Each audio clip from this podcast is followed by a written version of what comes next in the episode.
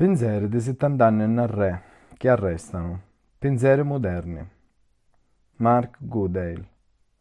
Nel 1947 e nel 1948 l'UNESCO ha domandato tutto il mondo a gruppi di intellettuali, guide politici, teologi, attivisti sociali e altri cristiani per sapere in cosa pensavano sopra le fondamenta filosofiche dei diritti dell'uomo. Tanto queste domande non furono pubblicizzate, ma oggi sono assai importanti. Lo sistema internazionale creato dopo la seconda guerra mondiale ha bisogno di tempo per funzionare. Questo era vero per le istituzioni, a creare le agenzie, costruire le palazzi, cercare cristiani per travagliarci. I problemi di tipo pratico di questo nuovo ordine mondiale hanno essere considerati. Per esempio, nei suoi primi 12 anni l'UNESCO travagliava dell'Hotel Majestic un sedicesimo circondario a Parigi. Una le stanze lette e le bagne erano usate per gli uffici e i documenti venivano serbati nell'armoire e nei vaschi bagno. Ma le difficoltà erano magari più grandi a livello politico. Pur se le relazioni tra le diverse agenzie internazionali erano scritte nei carte e nei statuti, le vere relazioni tra queste organizzazioni erano confuse nei primi anni. Per capire la situazione del sistema internazionale durante questo periodo è importante non leggere la storia di questi primi anni attraverso le lenti di sviluppo più tardigne. Leggere a re restanti formativi con quello che io l'occhio do tempo. Mi permette di capire come lo sistema internazionale e magari l'UNESCO si fondava sopra una situazione che cambiava sempre, un fermamento sempre in movimento che assai più piccano alle decenne appresso. Sta prospettiva è particolarmente importante per i diritti umani. La comunità internazionale che stava nascendo si scontrava con due problemi principali nel 1945. Lo primo era come organizzarsi in un mondo distrutto da guerre globali e dominato dal colonialismo. Poteva continuare a funzionare la realpolitik mondo non erano considerati fondamentali la sovranità e l'interesse nazionale, o forse era meglio creare una nuova strategia di avalitati, una i poteri potevano essere distribuiti secondo nuove direttive politiche e geografiche. La creazione di un Consiglio di sicurezza delle Nazioni Unite fu la risposta alla prima domanda. Non solo nel sistema delle Nazioni Unite ogni singola nazione avesse avuto un ruolo fondativo, ma avesse stato un sistema che mostrava e che legittimava lo fatto che certi paesi erano più potenti di altri. Non mi pare che diritti e libertà esistano sopra una scala universale. Le stesse parole non possono essere scanciate internazionalmente senza risicare di non capirsi. Penso che c'è solo un problema fondamentale. La causa è la cura del sadismo e dell'aggressività e fino a quando non risolviamo questa questione è inutile parlare di diritti dell'uomo. A stiorno siamo, in un senso collettivo, salvaggi e non meritiamo un diritto umano. Herbert Reed, 1893-1968, storico dell'arte britannico, filosofo e poeta, rivista UNESCO, 1947-48. La seconda domanda era correlata alla prima, ma era magari più complicata. Vedendo l'orrore che ci avevano stato durante la recente guerra globale, orrore che avevano arrivato dopo solo vent'anni delle carneficine e le distruzioni della prima guerra mondiale, che tipo di dichiarazione morale poteva fare la comunità internazionale per esprimere la sua condanna e la sua speranza, pur si utopistica per un futuro meglio? La risposta o l'accominciamento da risposta alla seconda domanda a trovare nella Carta delle Nazioni Unite del 1945, che sciaminava le segne del genocidio e del militarismo imperiale e riaffermava la fiducia nei diritti umani fondamentali, nella dignità e nei valori di gente. Non era chiaro ciò che bisognava perché questa fiducia nei diritti umani fondamentali potesse diventare reale. Come la risposta alla prima domanda suggerisce, le membri più potenti al centro del nuovo sistema delle Nazioni Unite erano riluttanti a creare strutture che potevano diventare minacce, pur così giastrate, e so prerogative politiche e legali. Pure così ci fu supporto bastante per quello che il presidente degli Stati Uniti Harry Truman definì una Carta internazionale di diritti, che lo Consiglio economico e sociale delle Nazioni Unite creò una commissione sopra i diritti umani nel 1946, con 18 membri e con Eleanor Roosevelt come capo. Pure così, la maniera pratica secondo la quale lo CHR aveva scrivere una Carta dei diritti umani non era certa. Nello specifico, non era chiaro nel 1946 come lo CHR poteva stabilire le principali morali, religiose e filosofiche che potevano fondare questa Carta dei diritti umani. Avevano essere principi universali che non avevano a privilegiare nulla tradizione nazionale regionale o culturale, ma non sapevano trovare questi principi. Un approccio che non si aveva mai visto.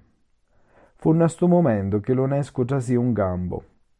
Stava a ricordare che Julian Huxley, lo controverso e carismatico primo direttore generale dell'UNESCO, aveva scritto un rapporto di 60 pagine per la nuova organizzazione intitolata UNESCO, il suo scopo e la sua filosofia, 1946.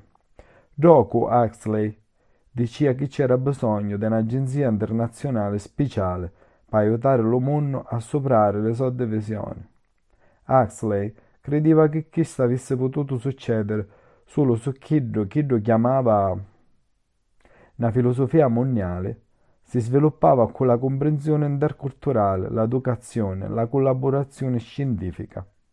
Per Huxley l'UNESCO aveva essere l'unica agenzia internazionale con compito di controllare la nascita di Chiddo Chiddo descriveva come una singola cultura mondiale, che sua filosofia e che suo pensiero. Non faceva meraviglia allora che la prima conferenza generale dell'UNESCO a Parigi avesse questo spirito d'attivismo visionario per nuova organizzazione. Sparte di scegliere a Huxley come primo capo, l'UNESCO decidió magari una lista di priorità principali per l'anno dopo. Una di queste domandava o segretariato di chiarire i principi sopra le quali fondare una dichiarazione moderna dei diritti dell'uomo. Verbale da conferenza generale, prima sessione 1946. Questo era proprio ciò che bisognava a Huxley la sua visione, non evento deciso nel campo dei diritti umani, avesse potuto fare vedere l'UNESCO come l'agenzia principale delle Nazioni Unite, lo fulcro del sistema internazionale dopo la guerra, con compito unico di guardare su cui lui chiamava una cultura globale, unificante e unita. L'unità interna dell'UNESCO, che era responsabile per lavoro in questo compito, era la sottosezione filosofica di chiddu ca cominciannu era la sottocommissione sopra la filosofia e gli studi umanistici. Era comandata da un giovane filosofo francese, Jacques Avé, che di picca aveva pubblicato un libro sopra Kant, Kant e le problème du temps, 1947. Avé avesse avuto un ruolo fondamentale nei primi progetti sopra i diritti umani dell'UNESCO, pur se l'importanza della sua influenza non era conosciuta sino a picca tempo re. Travagliando onestamente, scandandosi che l'attività sopra i diritti umani dell'UNESCO avessero scomparuto sotto travagli più importanti del CHR sotto Roosevelt, Huxley aveva a cominciare a travagliare per progettare una procedura. Dopo certe partenze fause, decidero di fare una cosa senza precedenti, fare un'intervista a diversi gruppi intellettuali, guide politici, teologi, attivisti sociali e altri, per stabilire i principi filosofici di diritti umani. Per fare questo, prepararono due documenti. Lo primo, un promemoria, una relazione preliminare, che conteneva una storia di dichiarazione dei diritti umani nazionali e descriveva i problemi più importanti per la realizzazione di una dichiarazione internazionale e secondo una lista di diritti umani e libertà specifiche che l'intervistata avevano a considerare ne sono risposte. Nei mesi di marzo e aprile 1947, tra 150 e 170 di queste interviste, furono mandate a una lista impressionante di istituzioni sociali, organizzazioni statali e cristiane singole. Circa 60 risposte furono ricevute dall'UNESCO, che non erano complete come il rapporto del processo descritto, sia a tempo che anni dopo. Nonostante questo, l'intervista sopra i diritti umani dell'UNESCO riuscito a considerare un insieme di punti di vista capo questo problema, che era più grande e più diversificato di chi lo fatto do CHR. La sentenza. Sotto il controllo di Ave, l'UNESCO creò una commissione di esperti a Parigi nel mese di giugno 1947 per valutare le risposte e creare una relazione di mannario CHR che poteva usare le scoperte dell'UNESCO come base per una possibile dichiarazione dei diritti umani. La commissione di esperti è HCAR, presidente, Richard McKeown, relatore, Pierre Auger, George Friedman, Etienne Gilson, Harold Lasky, vedi pagina 13, Luke Sommerhausen e Lo Chung-shu, vedi pagina 30, discutivano i risultati da intervista. E mannò le sue decisioni al CHR nel mese d'agosto 1947. Allo stesso tempo parlarono della possibilità di pubblicare certe risposte di interviste che diventarono la base per il volume pubblicato dell'UNESCO, Diritti umani, commenti e interpretazione, 1949. Non mentre, durante quasi tutto il 1947, ci fu confusione tra gli Stati delle Nazioni Unite sopra quale agenzia aveva essere responsabile per scrivere la Dichiarazione dei diritti umani. Sia Huxley che Ave avevano suggerito che l'UNESCO stava conducendo le interviste come istituzione principale o armeno in collaborazione stretta con CHR. Ora così, quando la relazione finale dell'UNESCO fu considerata do CHR, una sessione chiusa a Ginevra, nel mese di dicembre 1947, fu vista con confusione e magari raggia. A quanto pare la maggioranza dei membri del CHR non sapeva che l'UNESCO stava conducendo queste interviste. A fine, per otto voti a quattro, con astensione, lo CHR decidiò di non distribuire la relazione dell'UNESCO ai suoi stati membri e manco di considerarla come parte del processo che avesse portato a fine alla Dichiarazione universale dei diritti umani, DUDU. Lezione per futuro Pur se le interviste dell'UNESCO sopra i diritti umani 1947-48 non servero a tempo, resta rilevante oggi. Le risposte donano una finestra unica sopra la maniera di pensare diversa sopra questioni fondamentali di dignità umana suscitati e di diritti e doveri, tra l'altro in un periodo prima che l'addodo avesse codificato una comprensione più limitata di diritti dell'uomo. Come dimostra una ricerca recente sopra le interviste, la capacità di tornare nel re che storia dei diritti umani a questo periodo transizionale dopo la guerra ne dette un tesoro di maniere di pensare in un momento, in un tempo, in lo stato di diritti umani fu ammenazzato come non ci aveva stato mai.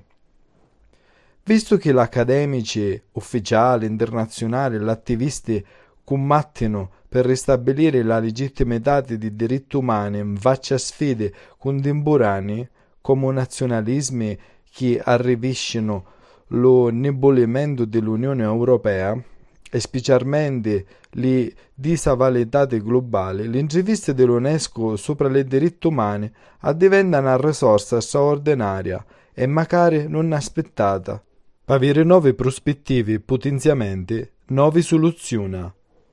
Fragile, un poster du grafico greco, Dimitris Arvanitis, uno dei partecipanti alla competizione 1 per tutti, tutti più 1, organizzata nel 2018 di For Tomorrow per fare una festa al settantesimo anniversario della Dichiarazione Universale dei Diritti Umani. Professore d'antropologia sociale e culturale e direttore del laboratorio di antropologia sociale e culturale all'Università di Losanna, Svizzera. Mark Goodale, Stati Uniti, è lo redattore della collezione Studi di Stanford sopra i diritti umani, autore e redattore di 13 volumi come Licci o Cungiario, una storia curata di interviste UNESCO, sopra i diritti umani, Stanford, 2018.